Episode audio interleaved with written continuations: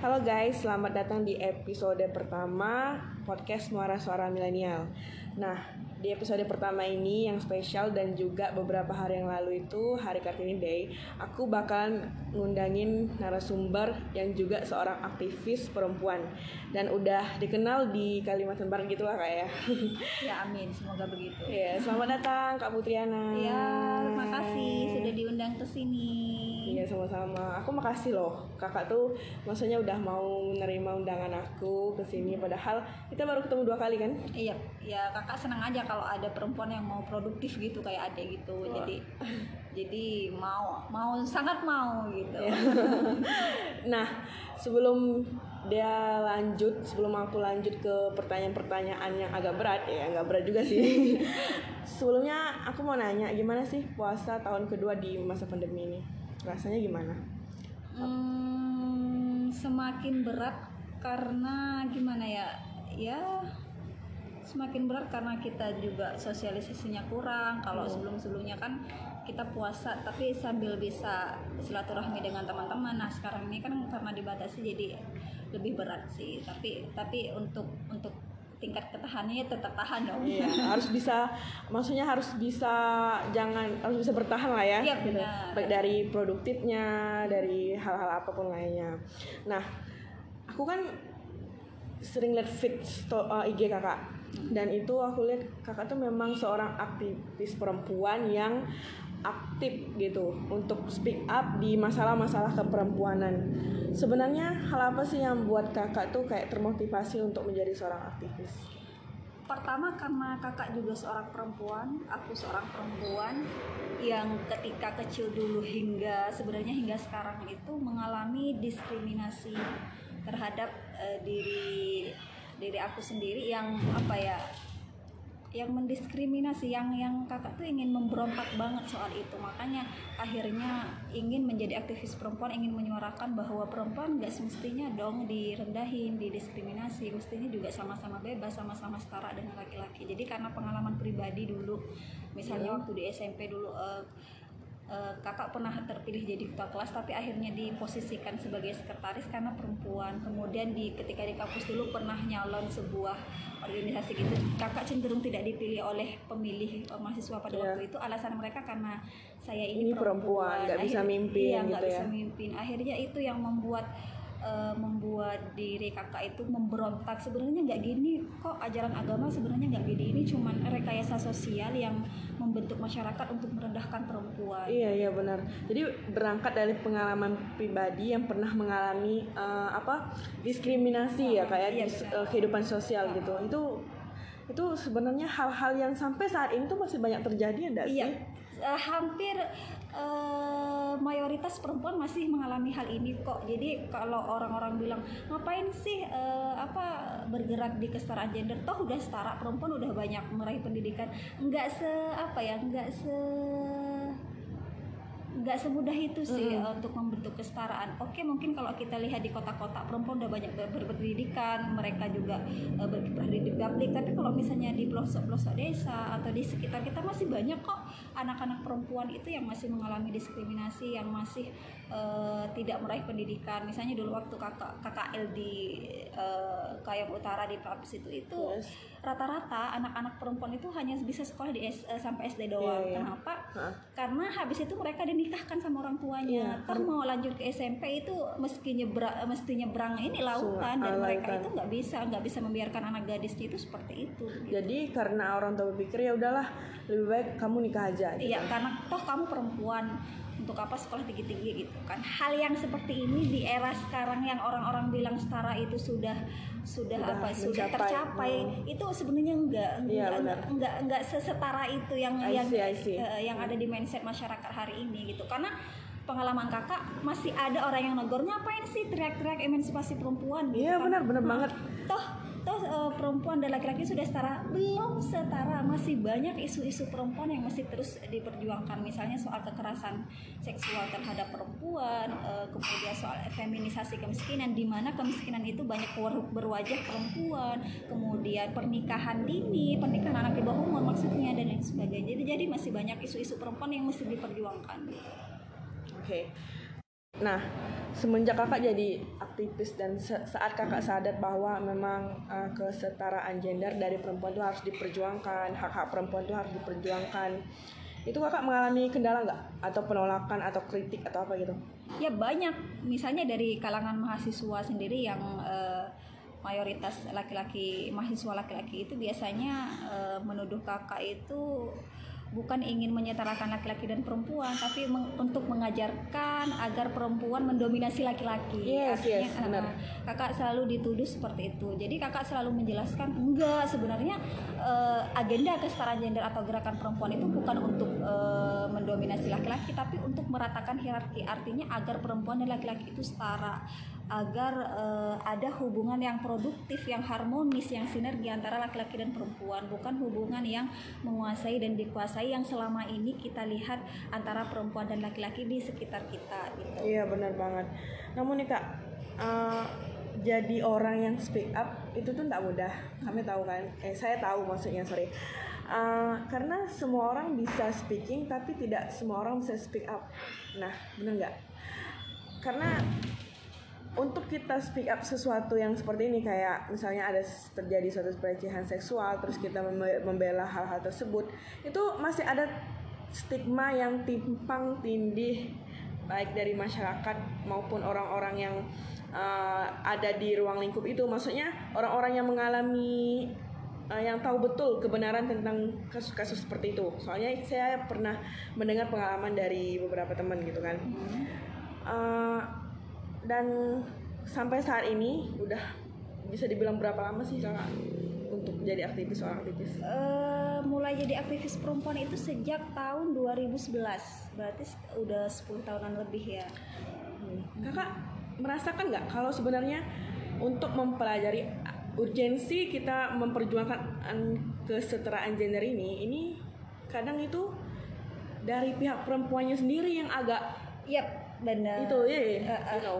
Jadi memang udah banyak perempuan yang menjadi aktivis perempuan maksudnya yang peduli dengan isu-isu perempuan tapi lebih banyak perempuan yang tidak peduli dengan yes, uh, yes, dengan benar, keadaan benar, perempuan benar. itu sendiri bahkan sama perempuan hari ini saling ini kok uh, saling menjatuhkan misalnya kita lihat di media sosial mereka saling bertengkar mereka saling mencaci maki membuli membuli padahal itu kaumnya sendiri yes. begitu yang punya pengalaman sama-sama begitu laki-laki aja bisa saling berpegang bergandengan tangan dengan yep. alasan ya namanya juga laki-laki. Yep. Sedangkan perempuan itu kalau ada apa-apa lebih ke kayak menjatuhkan. Yep, Harusnya berpegangan uh, tangan uh, uh, ya enggak uh, sih? Iya benar-benar. Kayak misalnya yang kakak selalu uh, apa yang selalu kakak bilang di di story kakak maupun di feed Instagram kakak. Biasanya kalau misalnya ada kasus pelaporan nih yang dibully rame-rame itu sosok yang perempuan. Si ceweknya iya benar padahal. Padahal yang si cowok juga merupakan aktor yes. terjadinya perselingkuhan itu. Hmm. Artinya semestinya bukan hanya yang perempuan dong yang dibully. Iya. Kalau misalnya mau mau misalnya membuli membuli kesalahan dari kedua orang itu mestinya ya juga yang laki-laki dong. Karena yeah bagi kakak juga bahkan sebenarnya yang lebih berpotensi untuk mengajak selingkuh itu yang laki-laki. Iya, nah. seperti kasus mohon maaf kita nggak sebutin uh, namanya, iya. kasus yang baru-baru ini antara seorang vokalis iya. sama iya. itu uh, penyanyinya. Uh, uh, uh. Itu maksudnya vokalis sama apa? Bukan vokalisnya. Sama apa? Apa itu nama? Uh, yang iya, itulah itulah dia pokoknya. Musiknya. ya yes. Uh, itu yang dibully habis-habisan itu si perempuannya. Iya benar. Padahal, Padahal uh, setuju nggak sih kalau sebenarnya yang harus bertanggung jawab itu si laki-lakinya iya, dong? Karena yang laki-laki yang sudah punya berkeluarga, yes. uh, semestinya dia menjaga ikatan keluarganya dan tidak menyentuh perempuan lain. Nah ini uh, yang yang si cewek kan uh, dia bebas, maksudnya uh, dia masih sendiri gitu hmm. loh. Semestinya Eh, semestinya yang disalahin itu yang laki-laki karena dia yang sudah berkeluarga karena dia yang sudah punya ikatan janji gitu. Iya benar. Hanya saja kesadaran masyarakat itu perlu kita genjotin terutama di era untuk anak-anak milenial sih. Hmm. Uh, dan dan gini loh kak beberapa waktu lalu kan aku ada baca buku kakak hmm. itu dan kalian baru kalian harus tahu guys kalau kak Putriana ini juga seorang penulis dan beliau ini uh, isi bukunya itu tentang eksistensi perempuan ya kak yeah. ya dan uh, di salah satu isinya itu ada tentang menyinggung maksud aku membahas tentang rutinitas kartini yang menjemukan atau uh, hari-hari perempuan nasional di mana ketika itu yang muncul tuh cuma kayak tagar selamat Iya. hari kartini atau selamat hari perempuan tetapi dan kayaknya setiap tahun tuh yang dibahas tentang selam uh, apa selamat hari kartini doang selamat hari perempuan doang tapi nggak ada perubahan yang signifikan baik dari stigma masyarakatnya baik dari ketika membahas tentang perempuannya masih segitu-gitu aja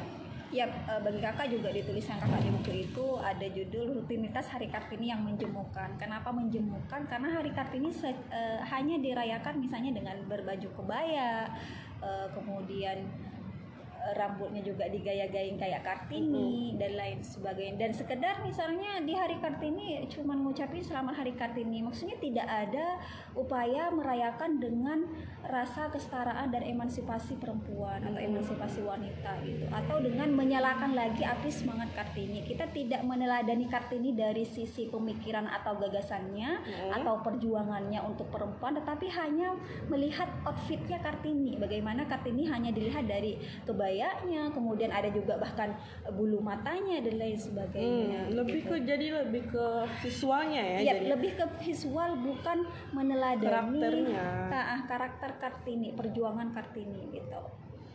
Nah, eh, sejauh ini tantang, oh, sorry, sejauh ini tantangan kakak selama jadi seorang aktivis perempuan itu semakin akhir-akhir ini aku lihat kakak itu semakin banyak loh diundang sama orang-orang, maksudnya untuk ngisi acara atau eh, webinar yang berhubungan dengan eh, perempuan gitu Yep. ya. Nah, selama kakak mengisi itu pernah terjadi sesuatu yang enggak nggak apa ya nggak nggak ditebak nggak terutama dari segi perempuan atau misalnya tiba-tiba pas ada acara itu ada sesuatu yang yang nggak emang enakan gitu sebagai kakak sebagai aktivis perempuan Oh, lanjut ya.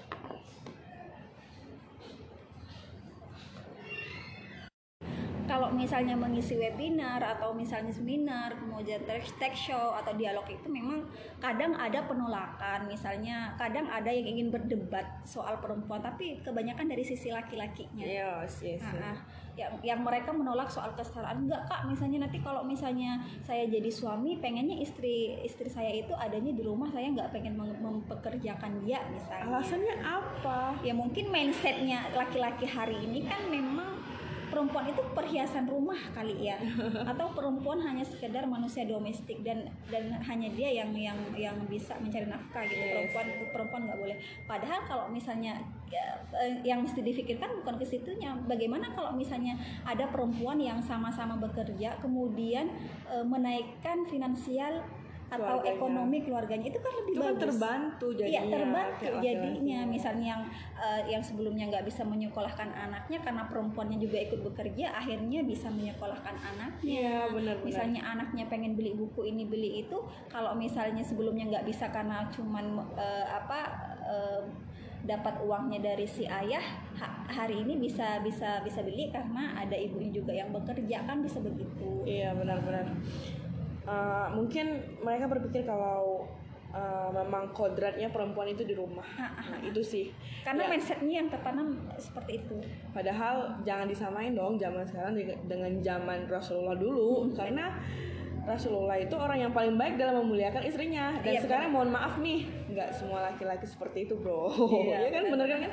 Nah, dan karena kalau dilihat dari data kekerasan terhadap rumah tangga itu alasannya itu karena faktor finansial ekonomi Iya, karena ekonomi. Salah satu faktornya karena ekonomi. Gitu. Nah, angka baiknya jika per, angka perceraian atau kekerasan rumah tangga itu kita tekan atau kita kurangi dengan itu tadi kak, dengan adanya kerjasama antara Nah, kerjasama perempuan dan antara laki-laki. eh, dan perempuan. Maksudnya hubungan yang harmonis, yang sinergis, yang produktif, bukan hubungan yang menguasai dan dikuasai. Kalau hubungannya selalu begini ya akan terjadi kekerasan terus terhadap perempuan nih, karena Hmm. perempuan yang dianggap eh, sebagai manusia rendah, sementara laki-laki yang dianggap sebagai manusia eh, tinggi gitu. Hmm. Akhirnya perempuan dong yang terus jadi korban karena akhirnya laki-laki berpikir lo rendahan lo juga eh, apa eh, bisa eh, gue eh, apa misalnya kerasin dengan Hmm. fisik Jadi maupun kurang dihargain sih ya ah, gitu ya.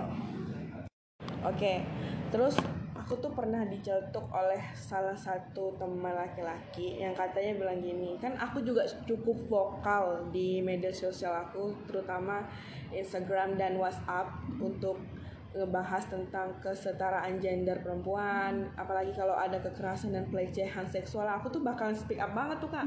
Dan dan di situ khususnya untuk kesetaraan gender aku dikritik katanya uh, feminisme itu hanya membuat perempuan menjadi lebih egois gitu nah itu aku nggak paham deh dengan mindset mindset orang yang kayak gitu tuh gimana sih menurut kakak? Uh, kan mindset orang ini dia merasa terancam ketika ada perempuan yang Betul, mau betul. maju, Nah. ketika ada perempuan yang mau berbicara, ketika ada perempuan yang mau bekerja itu dia merasa terancam karena dia di- yang tertanam dalam mindsetnya itu hanya laki-laki yang berhak eh, di sini perempuan eh, tut- eh, cukup tertutup di situ Eh, yang hanya laki-laki yang boleh bebas begitu mindset mindsetnya hanya seperti itu akhirnya kalau ada perempuan yang produktif dan dan apa ya yang disupport dia dia merasa terancam gitu Iya. Eh, gitu Uh-uh.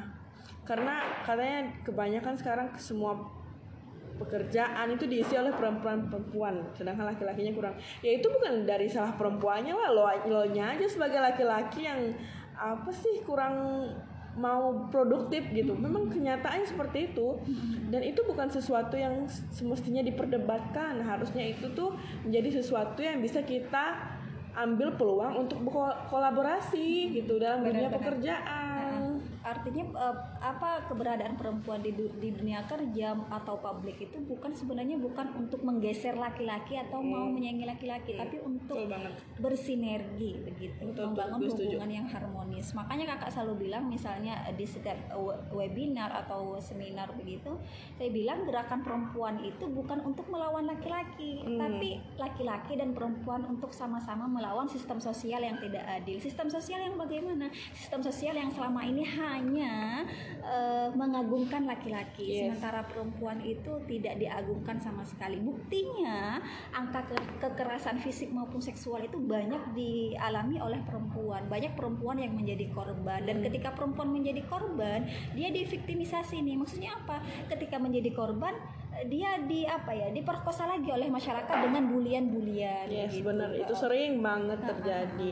Nah, berbicara tentang sistem sosial nih, ada beberapa perusahaan besar yang tidak menerima perempuan yang sudah menikah atau perempuan yang ketika misalnya dalam perjalanan uh, oke mo- oke lah misalnya bukan kontrak ya. Karena kalau kontrak kan berarti kedua pihak ini sepakat ya. Misalnya yang bukan kontrak ketika tahu-tahu ketika tahu per- seorang perempuan itu hamil itu langsung dipecat. Dan menurutku itu nggak adil. Iya benar nggak adil. Iya. karena itu kodratnya per- per- perempuan gitu.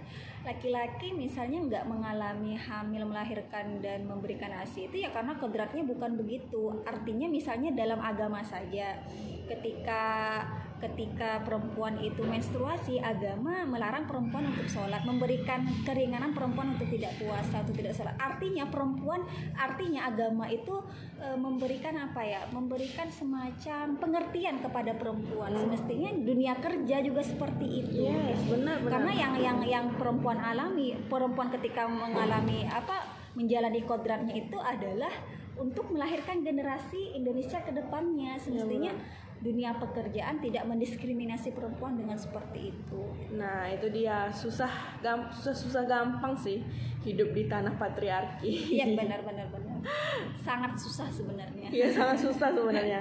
Kayaknya kayak salah aja jadi perempuan gitu. Iya, nggak ada benar. benarnya gue gitu. Ah, ah, ah. Iya sih? Iya, Kayak- benar. Kayak, kayak pokoknya kalau aku punya temen dia itu habis nikah langsung hamil dan itu diomongin dan yang diomongin tuh dia itu tuh kayak sesuatu yang aneh sih. Kalau masyarakat kita itu kayak sesuatu yang bahagia diomongin yang nggak bahagia apalagi. Dan yang disorotin selalu aja perempuan. Iya bukan si laki-lakinya gitu. Iya, karena perempuan yang apa ya, yang disematkan dengan standar-standar tertentu oleh masyarakat. Iya. untuk supaya bisa begini, begitu, untuk menjadi seperti ini, seperti itu. Tapi su- ketika sudah mencapai itu ya eh, masyarakat lagi yang yang apa, yang membicarakan perempuan itu. Kakak punya saran nggak untuk semua perempuan? Gimana sih caranya agar kita bisa bertahan di tanah patriarki dan bisa saling bergandengan tangan gitu. Untuk tidak saling menjatuhkan satu sama lain gitu. Iya. gimana? Eh, tipsnya selalu mensosialisasikan soal kesetaraan sih. Kesetaraan gender Eh, gitu misalnya kakak di organisasi kakak sendiri eh, misalnya.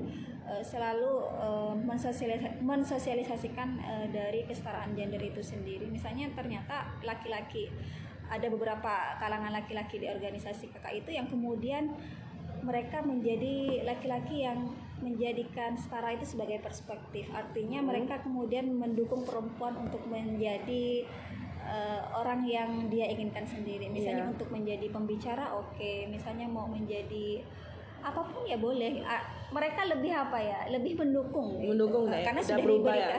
karena sudah banyak menerima sosialisasi kesetaraan gender gitu. Hmm, itu itu feedback yang dirasakan selama kita Ya. menjadi seorang aktivis.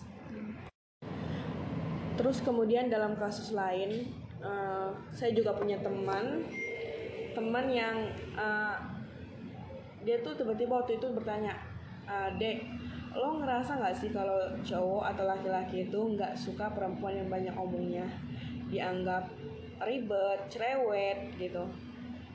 terus gue jawabnya terus dia jawab ya aku rasa itu tuh laki-lakinya aja yang yang apa perspektifnya itu kurang beres terhadap Iya. perempuan kayak gitu karena perempuan zaman sekarang jika banyak berbicara banyak speak up banyak uh, mengutarakan pendapatnya itu selalu aja kak dianggap sebagai perempuan yang cerewet ribet gitu Iya, iya. Selain dia karena merasa terancam, konsep perempuan ideal dalam mindsetnya itu juga ini Pendiam gitu ya. pendiam, Yes. yang sopan santun, lemah lembut. Artinya perempuan soleha bagi laki-laki hari ini memang kebanyakan yang seperti itu.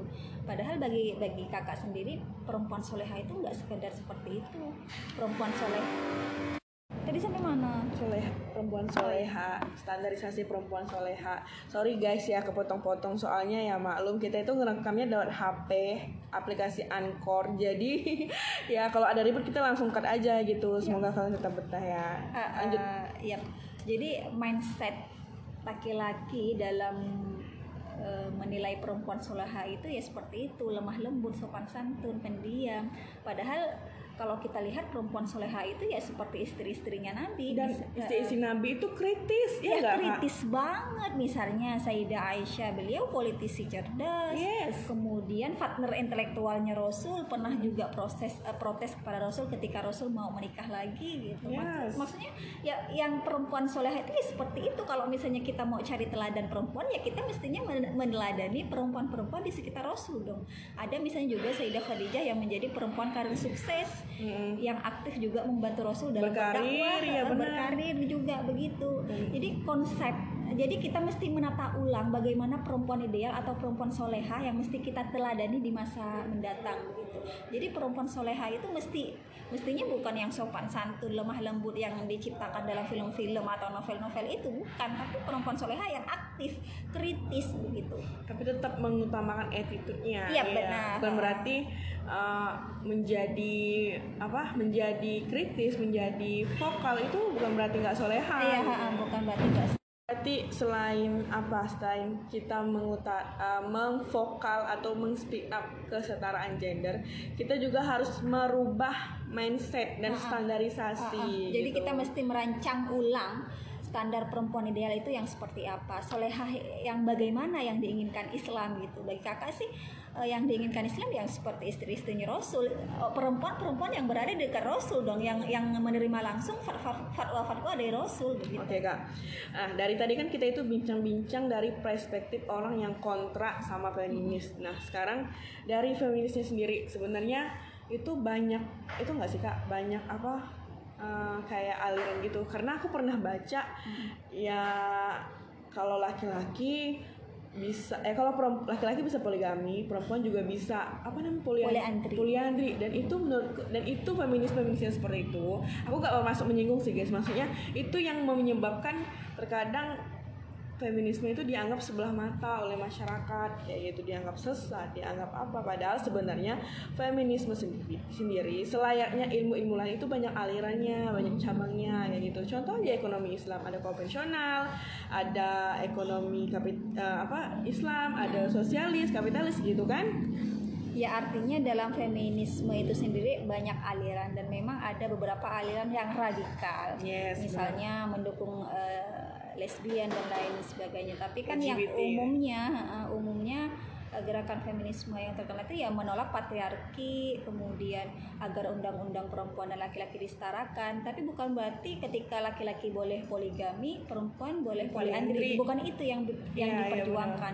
Laki-laki jangan poligami, perempuan jangan poliandri gitu. Iya. Artinya sama-sama dengan satu pasangan. Iya setuju setuju karena nggak bisa disamaratakan Iya, sih ha-ha. nah, dan apa ya namanya eh, dan itu memang harus dikaji lebih dalam tidak bisa dinilai dari luar gitu Iya. aja nah bayangin kalau misalnya nggak ada aliran feminisme ketika terjadi pelecehan seksual yang ini banyak banget kasusnya di Indonesia pelecehan seksual dan apa siapa lagi yang bakal speak up dan bakal membela yang bakal membentengi kalau bukan orang-orang feminisme ya nggak Ya sih benar Eh, kalau bukan dari gerakan eh, dengan orang-orang yang peduli dengan isu-isu perempuan itu sendiri. Mm-mm. Karena hari ini memang selain banyak perempuan yang mulai apa yang mulai aktif menyuarakan isu-isu perempuan dari kalangan laki-laki juga banyak. iya Nah, benar-benar juga banyak. Jadi sudah banyak laki-laki yang menjadi aktivis perempuan, Mm. artinya menjadi aktivis yang peduli dengan isu-isu perempuan. Mm. gitu. Udah banyak juga yang muncul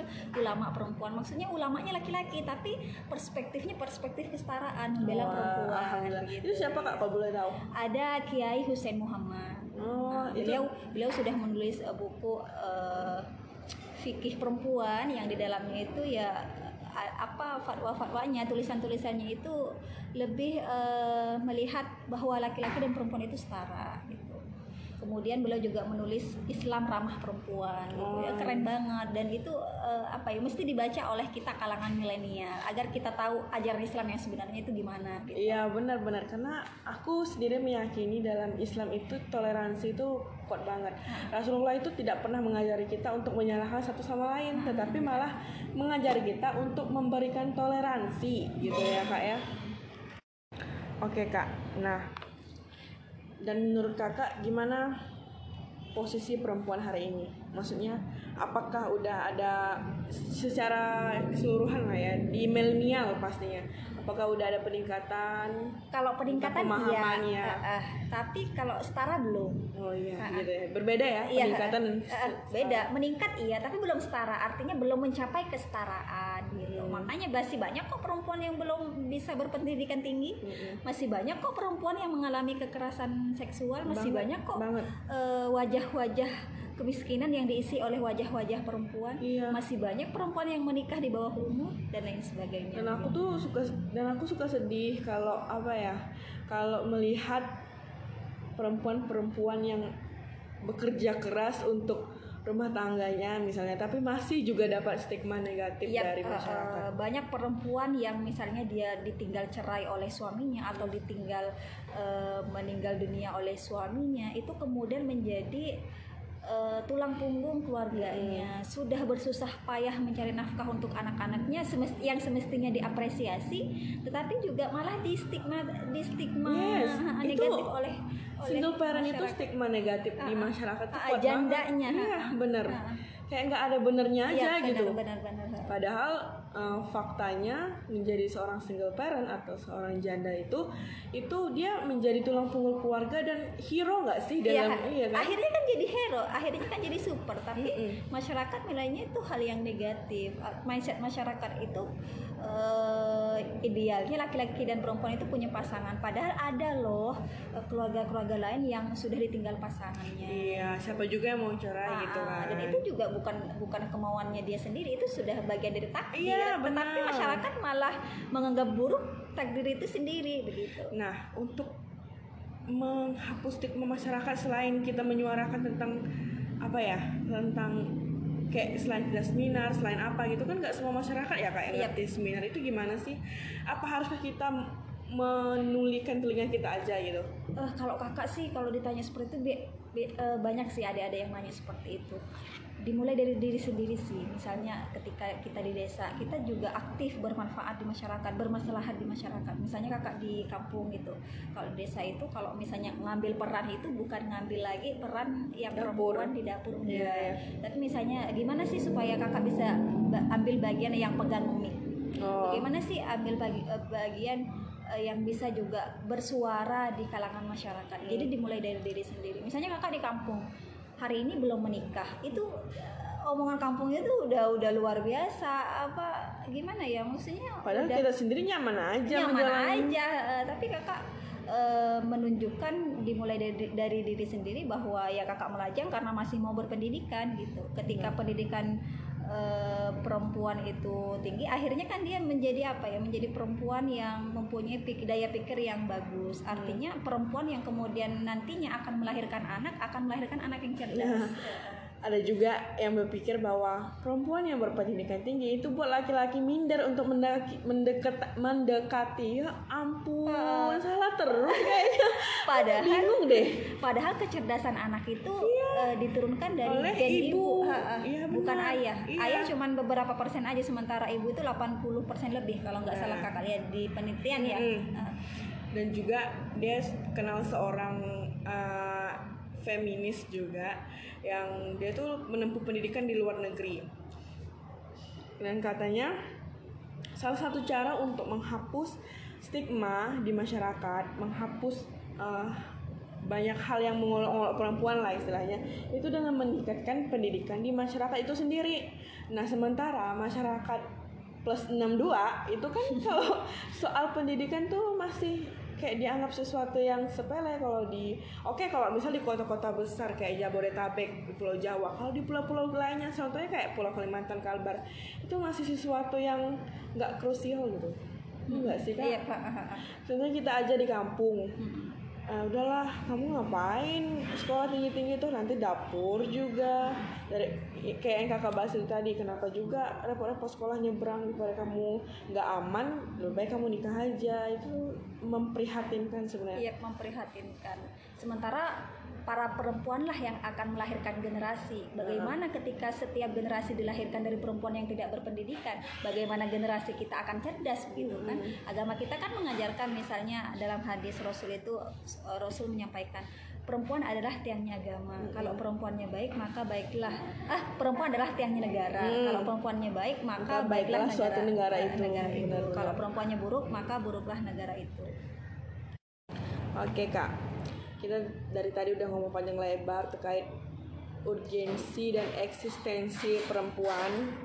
Terus dia mau nanya nih satu pertanyaan yang kalau mau memilih, kakak memilih untuk menggeluti atau berfokus di bidang apa feminisme? Apakah memang speak up di khusus di pelecehan seksual atau kekerasan atau kesetaraan atau pendidikan membangun pendidikan gitu. Milih yang mana? Atau mau semuanya? Kalau selama ini sih semuanya. Kalau di webinar-webinar juga itu kan temanya beda-beda. Kadang Hmm. mereka bahas soal kesetaraan gender, kadang mereka juga bahas soal kekerasan seksual, kadang mereka juga me- apa berbicara apa mengajak dengan tema misalnya fenomena open BO di Kota Pontianak. ya itu lagi gitu. rame kan ya Iya, ampun sedih-sedih Uh, gimana banyak anak terjerumus dalam ruang prostitusi yang sebenarnya bukan kehendak mereka sendiri Mm-mm. begitu. jadi semuanya sih soal perempuan uh, kakak memang uh, apa mau bicara itu semuanya karena nggak banyak yang berbicara soal itu gitu Iya. Nah, kalau saya pribadi, saya itu lebih ke membangun pendidikan sih. Karena maksudnya dari seluruh bidang feminis, saya kalau milih dia lebih saya lebih ke membangun dulu pendidikannya. Karena kalau untuk soal pelecehan, dia speak up. Iya. Cuma kan lebih berfokus kita ke mana ya itu ya kan. Terus terakhir kak pertanyaan terakhir, kalau disuruh milih menjadi wanita karir atau lanjut pendidikan, ini misalnya ini dapat tawaran kerja yang wow gitu atau milih lanjut S3 Kalau dua-duanya memilih dua-duanya nggak boleh. boleh dong tapi kan tapi ya apa memungkinkan di waktu yang bersamaan gitu gimana yang didahulukan boleh dong dua-duanya tapi yang diprioritasin yang mana pasti ada kan skala Ya, prioritas. selama ini sih kakak menjalani keduanya. Mm-mm. Misalnya eh, kemarin S1, S1 dan S2 sambil kerja jadi guru, waktu S1 sambil kerja jadi guru di sekolah-sekolah di pesantren, kemudian ngeles-ngeles juga. Di S2 juga kerja sambil kerja di dinas sosial.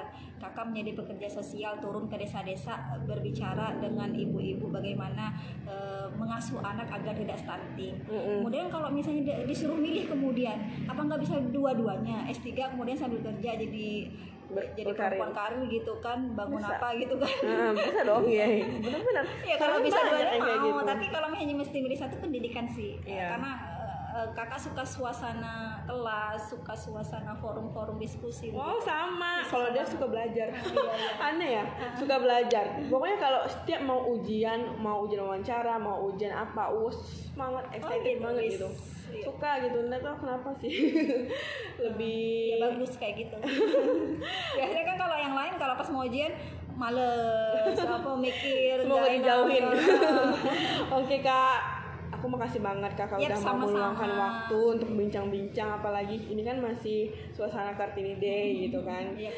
Nah dan terakhir ini ada bingkisan, walaupun nggak makasih. seberapa Ya, dari. Muara Suara Milenial. Terima kasih. Sama-sama kak. Kakak juga mau minta maaf kalau ada kata-kata yang salah. Iya. Nah, hari ini juga agak lemes jadinya agak nggak semangat. Jadi maaf ya eh, para pendengar. Kita bisa ketemu lagi kok nanti. Oke, sampai jumpa di minggu selanjutnya. Saya Dea Anan. Saya Putriana. Sampai jumpa di podcast kami selanjutnya. Sampai jumpa.